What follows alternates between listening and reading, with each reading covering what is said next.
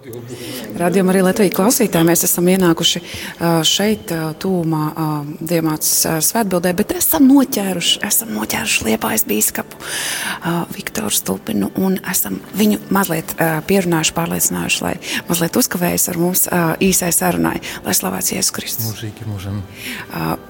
Ekscelents, sakiet, nu, Šogad viss pavisam viss ir mazliet savādāk. Eh, kā jūs izjūtat šo atšķirību no citiem gadiem, un kā jūs pats ar to visu labi tiekat galā? Man patīk. Ļoti lakoniski.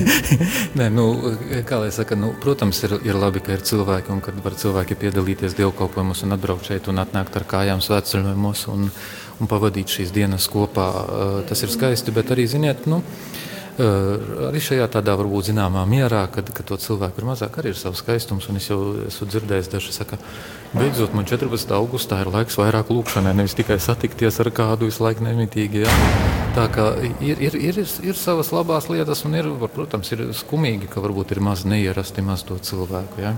Tas tā, nu, nu, ka, bet, nu, es saku, tā ir varbūt tā viena lieta, kas mums šajā gadā ir jāizdzīvo, un cerēsim, ka nākošais gads jau varēs daudz maz normāli atgriezties parastajā ritmā.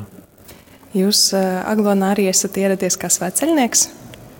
Nu, es domāju, ka šeit visi ierodās kā sveceļnieki, ne, neskatoties uz to, vai kājām vai braucot. Jā, tas gan ne, nejautāšu tālāk, vai jūs ieradāties kājām vai braucot, bet es zinu, ka šajā gadā vai ir grupa no Liepājas uz Aglonu vai uz Aglonu? Nē, bet.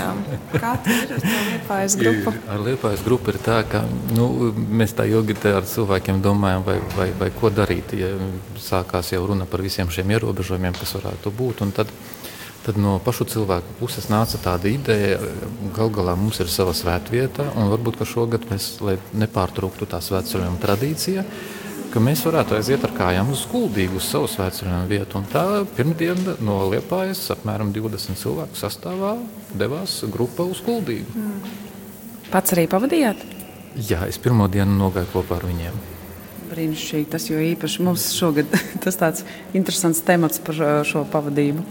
Jā, man šķiet, šis gads liek ļoti izvērtēt un pārvērtēt tās vērtības, kas mums ir, un atklāt to, ka nu, ne tikai Aglonā ir šie svētki tiek svinēti, bet arī citās Latvijas svētvietās.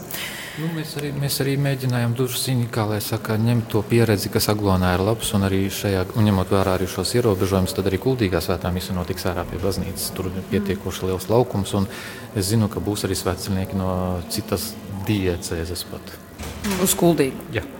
Brīnišķīgi.